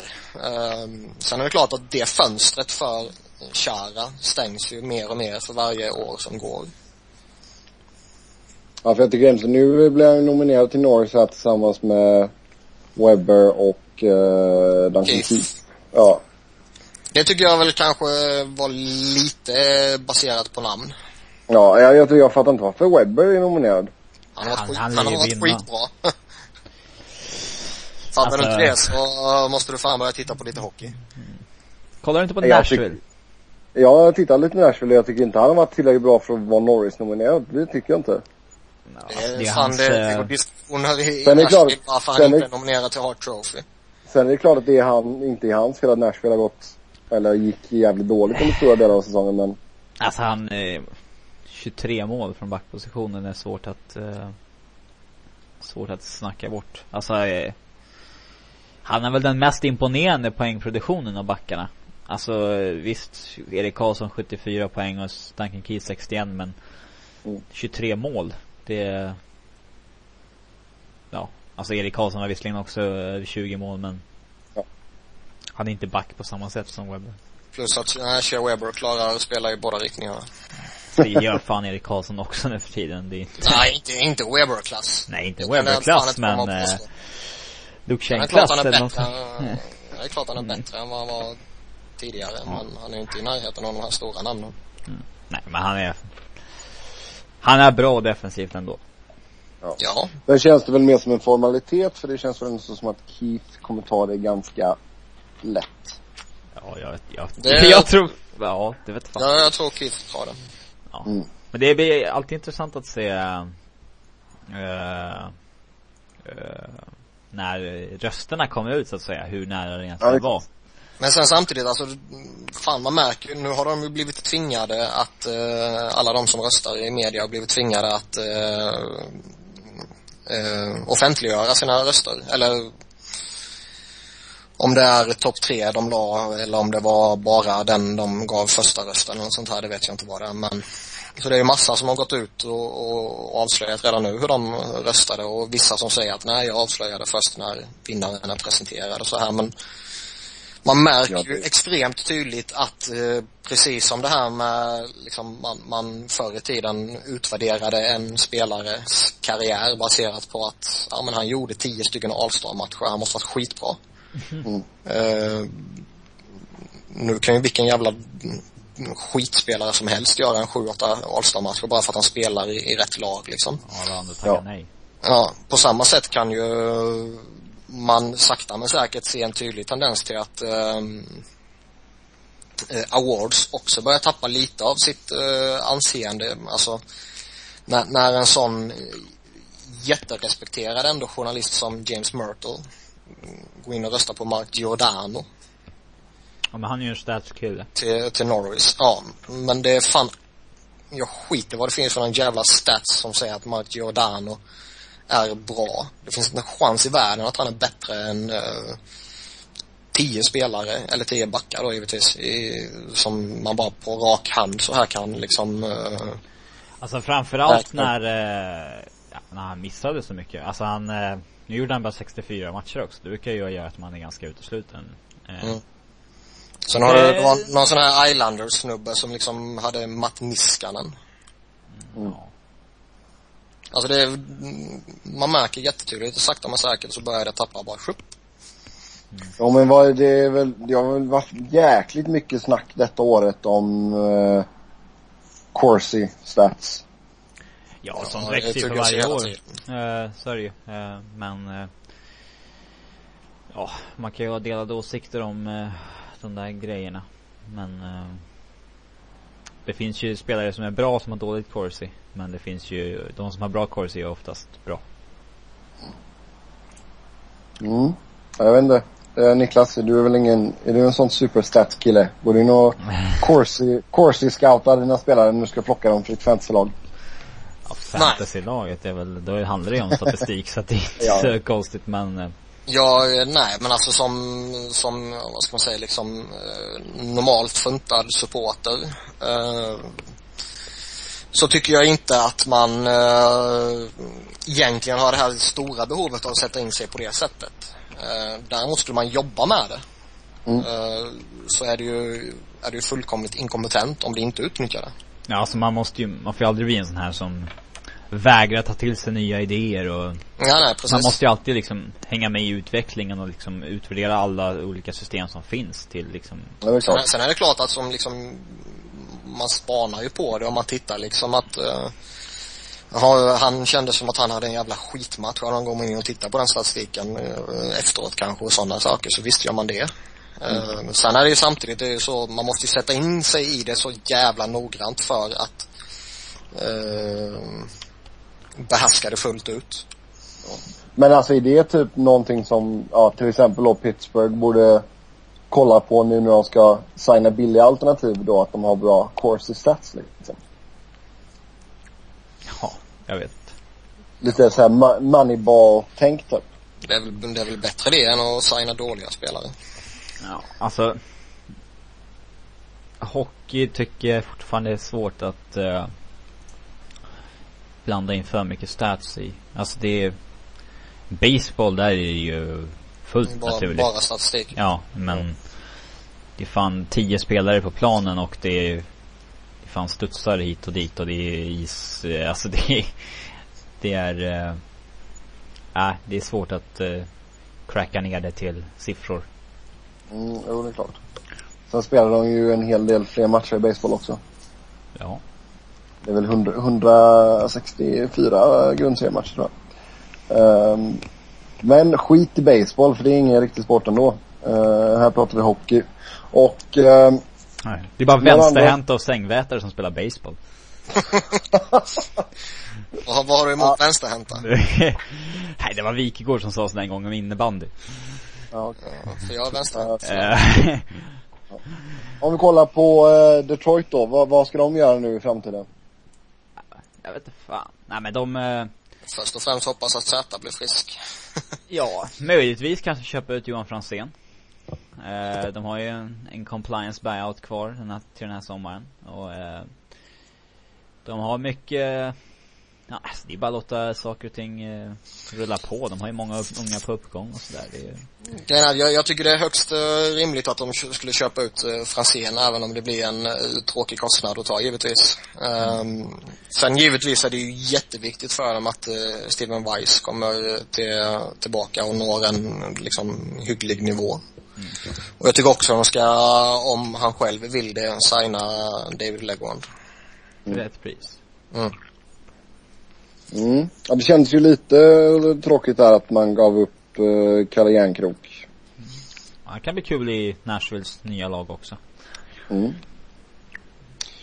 Eh, om vi kollar på målvaktssidan då. Gustavsson, uh, vad tror ni han kommer stanna eller kommer han leta sig någon annanstans? Jag eh, ska helt ärligt ta och säga att jag bryr mig inte ett skit om Jonas Gustafsson. Han, eh, ja jag vet inte. Det känns, nej men det- skämt åsido, det känns lite som att uh, Jimmy Howard uh, sitter nog kvar. Eh, Ja. eh, så, Gustafsson mådde ju så jävla dåligt i Toronto så han kanske bara är nöjd med att han var så att han trivs nu och sen samtidigt, alltså de, de har ju ändå den här uh, Mrazek. Mrazek ja. Eh, kanske ska man så smått börja lotsa in honom. Och as we speak så har ju Islanders tradat till sig Jaroslav Halak. Tradar de till sig en Jonas Gustafsson också så har de ju en okej one-two punch i Halak och Gustafsson. Ja, nu ska vi lyckas signa honom också. Ja, Mm. Och då menar jag inte Gustafsson utan Halak. Nej. Nej men det, det lär väl gå. Ja, då är, vi, är de inte fullt förtroende till Anders Nilsson nu? Mm. Man tappar väl lite förtroende för en spelare som går ut och säger att jag tänker inte komma tillbaka med att få spela i AHL när han är en när han inte är en NHL kalibermålvakt. Nej. Ja, eh, sista serien då innan vi går på andra rundan här. Eh, Montreal gjorde, eh, ja, Processen kort. Ja, slarvsylta av eh, Tampa Bay. 4-0 i matcher där. Och eh, det var ju mycket snack om att Ben Bishop var borta för Tampa och sådär men det kändes väl ändå som man borde kunna vinna någon match utan Ben Bishop. Ja, det kändes väl som att de eh, Det tog hårt på när Bishop försvann när de torskade liksom på grund av det verkligen i början. Då kändes det som att de kanske tappade tron på att det skulle gå att vända utan Bishop. Så här, Lindbäck var alltså, han släpper in så här första skottet i matchen och sånt där. Det är liksom psykologiskt eh, Det är lite jobbigt. Ja, det, nej. Det är de, det där är sk- målvaktsskiten avgjorde liksom. Det, så jag vet inte, alltså. Det avgjorde serien, visst det kanske inte är, Montreal kanske ändå hade vunnit med Bishop i mål men Men jag tror inte det, det, det tror jag mycket väl skulle kunna ske, men jag tror inte det skulle blivit med 4-0. Nej, det, det blev en helt annan serie som Montreal tog hem lätt utan Bishop helt enkelt. Och det, det hade varit en annan serie med honom i mål. Och, Så är det. Sen, sen ska man, man ska inte bara skylla på det, för liksom, det var många spelare som svek också. ja. Matt Carl är en poäng, Ted Purcell är en poäng, Valtteri Filppula är en poäng, eh, Ryan Callahan är poänglös. Så jag menar, det var, det var många av de här som man förväntade sig skulle göra mycket mer som svek eh, rätt rejält också. Ja, vad tror du om Callahan? Kommer han att stanna i Tampa? Ja. Ja, jag tror uh, Iceman är lite för smart för att uh, signa honom på ett korkat kontrakt. Uh, men uh, han kan ju signa för billigare där än vad han skulle kunna gjort i Rangers i och med att uh, det är väl inga skatt i uh, Det är väl en helt annan skattesituation i Florida. I Florida? Ja, Ja. jo det är det. Så att han skulle kunna signa för billigare där och tjäna mer pengar än vad han hade gjort för Rangers. Ja. Det, det blir ju en, det är givetvis jätteviktigt också, men det blir en lite annan förhandlingsposition också när man pratar med, med Tampa eller Rangers. Han är inte kaptenen som har varit flera år i Tampa Bay och han är inte den spelaren liksom. nej. Mm, om vi kollar på Montreal då. Eh, det är ju mycket snack om de snabba dvärgarna från eh, den fransktalande regionen. Eh, hur tycker vi att deras stjärnor skötte sig? Jag tycker de gjorde en bra matchserie. Vore märkligt att säga något annat än man vinner med 4-0. Ehm, sen känns det väl fortfarande som att, eh, lite som, eh, vilka var det vi sa det om, det var Anaheim, att man kanske inte testades på riktigt. Nej. Frå- Frågan är om man verkligen gjorde det här när, när Bishop var borta och de här eh, veteranerna som, som jag nämnde svek på det sättet liksom. Jo men grejen är så här, vi pratar om underhållningsvärde och tempo och allt sånt där i, i Rangers Flyers-serien. Den här serien, alltså jag tyckte förutom match fyra så kändes det ju inte som en, alltså Publiktrycket i Montreal var ju slutspelsklass, absolut. Men jag tycker inte produkten på isen var inte Det var inte som att man bara, ah det här är slutspelshockey. Nej det blev ju aldrig riktigt match av den när Bishop var borta kändes det som. Det känns som att Tampa gav upp liksom och det Ja Accepter, alla accepterade bara att Montreal skulle ta hem det här. ja, lite så känns det faktiskt. Alltså både Montreal-spelarna och Tampa liksom. Det... Skapligt dåligt förtroende för Anders Lindbäck kändes det som i Tampa. Och han eh, Eh, ja. lär väl ha förbrukat sina NHL-chanser nu som han har fått kanske någon för mycket av. Mm. Ja, Tampa har väl lite eh, prospects på uppgång där också va? De har han ryssen. Vasilevski som... Eh, Just Sen det. han letten som gjorde det så jävla bra mot Kanada i OS. Godlevskis. Lefskis, ja. Fan det är bra, bra eh, För två år sedan så snackade vi om- på de gubbarna. Ja. Mm. För två år sedan så snackade vi om hur, eh, hur kass målvaktssituation Tampa hade. Nu har Mm. de tre starka namn. Ja, Stabilt. det är fint. Mm. Nej men det var, Tampa känns ju ändå så som ett lag på uppgång också och Oh ja, Drouin, Drouin kommer väl in nästa säsong. Eller? absolut, absolut. Det vore ju mycket märkligt om så inte blir fallet i alla fall. Ja, han har ju, Många var han har många var ju förvånade att han inte spelade redan i år. ja, han har pissat in poäng i, i, i Junisligan och Quebec Major Junior Hockey League. precis. Eh, och sen Victor Hedman fick väl liksom sitt riktiga breakout den här säsongen också. Det ska bli intressant att se hur många när man ser den totala Norris-röstningen, hur många liksom små röster han kommer få lite här och där. För det kommer han nog att få. Det vore skoj om... Uh... Han vann! ja, det tror jag inte han gör. Men Linder vore... kommer bara fyra.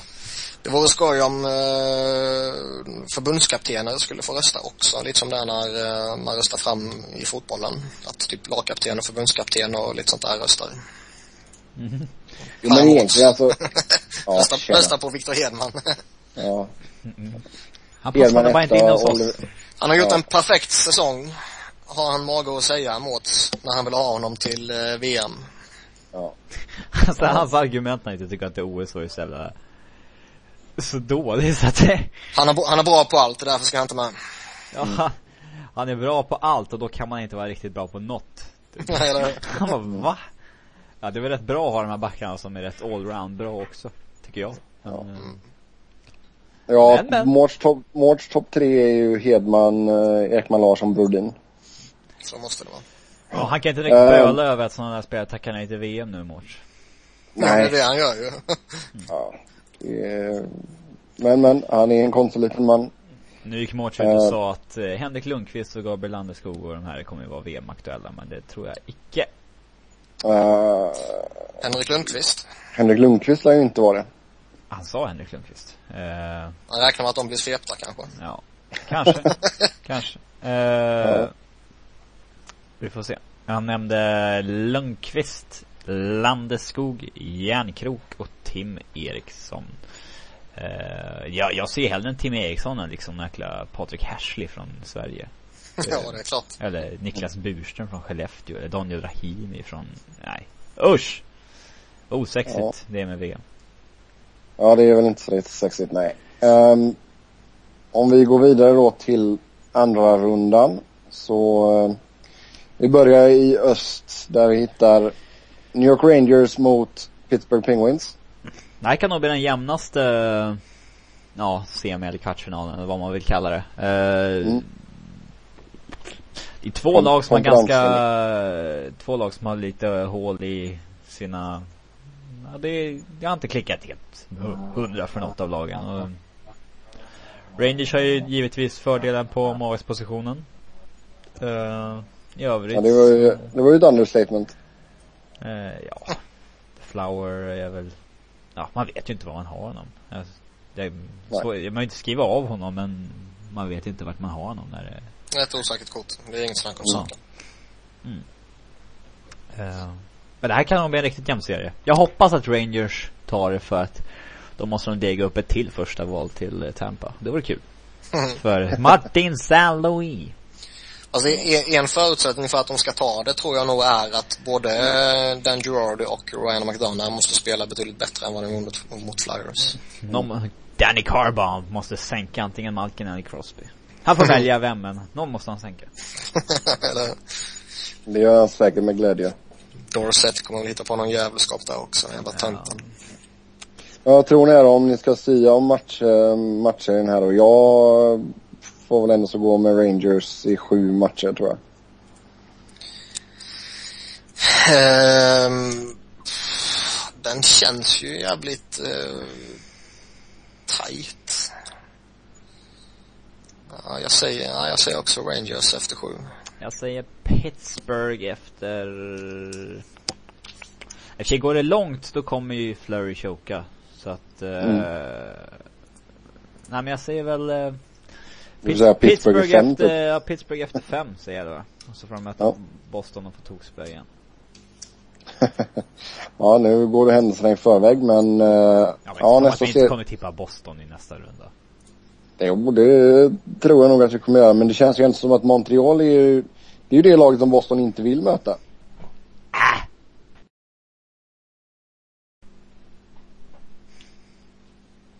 Men vadå äh? Det, det är ju sanningen alltså. Montreal har ju haft Bostons number hela säsongen. Ja, vi hade Colorado på Chicago också. Det, de hade nog inte fruktat att möta Colorado för det. Jag tror nog Chicago hade fått en jobbigare tid mot Colorado än Minnesota. Ja, kanske. Nu, nu säger jag inte att Montreal kommer att slå ut Boston, men jag tror eh, definitivt att det här kommer att vara en, en jämn serie. Och jag, 4-0 Boston. Nej, 4-2 Boston. 4-1 Boston. Ja. Vem har mest rätt av oss då? ja. Det får vi ju se. Vi får ju skriva ner detta Ja, så men- får vi kolla sen. Eftersom Niklas tippade mitt emellan oss undrar jag åt vilket håll han lutade. Ja, det var en fråga till mig. Ja.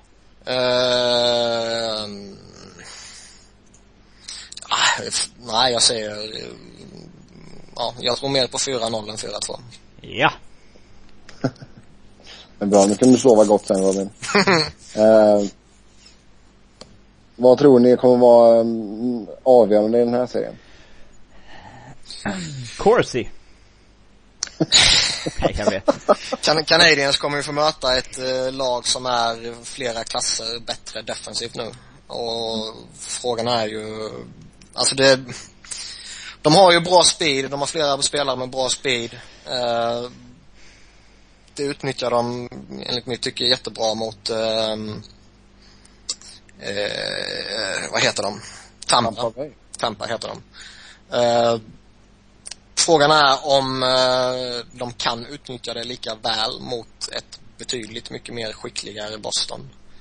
Eh, och som dessutom har eh, betydligt fler spelare som, eh, alltså Tampa har ju något jävligt spännande på gång. De har ju jättemånga unga spelare som, alltså ger det tid så kommer de kunna bli skitbra tror jag. Men Boston har ju, ja, uppenbarligen är de ju bevisade vinnare liksom. Mm. Men det är ju ett färdigt lag. Ja, Ja. De eh, kommer vinna, enkelt. Eh, men visst, alltså Carey Price, det kan ju bli ett spöke. Det kan, Ja, men jag tänkte ju säga det, alltså målvaktsmatchen här är ju suverän. Du har ju Tukarask mot Carey Price. två målvakter som eh, kommer, som förmodligen fick en del väsna röster. Eh, men, eh, Det är väl mycket möjligt att det är ettan mot tvåan. Var Price nominerad? Nej. Var Price inte nominerad? Nej. nej jag tror han bommade. Nej, det var, Skandal. det var Skandal. Rask, Bishop och Semyon Varlamov. Ja, just det. Fan, han var- Ja, men då tar ju Han Rask kommer nog vinna tror jag. Nej, Rask vinner för fan. Det kanske han förtjänar att göra men tänk lite på vilka det är som röstar. Det är GMsen och vem kommer stjäla Varlamovs röster i West? I East så kommer det vara Rask, det kommer vara Price, det kommer vara eh, vad har vi mer? Det Bishop. Steve Mason. Någon, strö, någon ströröst för Lundqvist. Ja, någon kommer rösta Lundqvist. Någon kommer rösta, ja, i vem?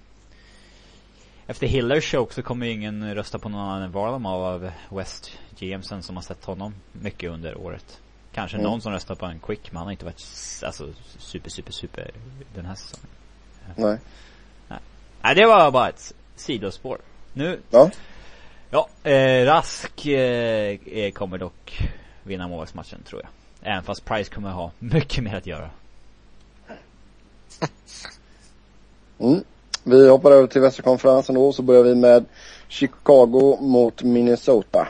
Och här tror 4-0 jag- Chicago. Här, här tror jag nog att det kan bli, gå ganska fort. Jag tror inte 4-0, men däremot 4-1. Nej, jag, 4-2 Chicago. nej, jag säger 4-0. Det är fan min, nej. Det, alltså målvaktssituationen i min, alltså, jag kan inte gå in med Kumper eller Briscaldo mot Chicagos offensiv. Det, Nej. och Surte kan inte spela mer än 30-35. Det, det går liksom inte. Vi, vi såg ju den här matchen i fjol liksom. Eh, det var ju i stort sett exakt samma lag med Kumper i mål och det, då stal de i en Sitt- match men Sitter Sutter med sån syrgasmask på bänken eller? Ja. Han säger att han är återhämtar sig sjukt snabbt. Att han liksom Ja. behöver vila 20 sekunder, sen kan han hoppa in igen och köra ett nytt byte på en minut. Ja, steroider. Um, nej då, nu ska vi inte anklaga Sutter Han har ätit sin spenat. Ja, det lär han ju lugnt ha gjort. Och druckit sin mjölk. Men nej men alltså det känns ju bara som att eh, Chicago är en, alltså två, tre nummer för stora för Minnesota här. Ja, men en, en, en match på hemmaplan ska de nog kunna lyckas vinna. Ja, 4-2 kommer det bli. Ja, Kom jag, ihåg, kom ihåg att jag tippade rätt att eh, 4-3 till Minnesota i första rundan. Mm. ja, fast du vill ju inte tippa det egentligen. Nej, det var ju mest det jag måste säga emot er två. Det var ju den, en- den enda matchserien som sket sig i mitt tips. Ja, jävla sopa.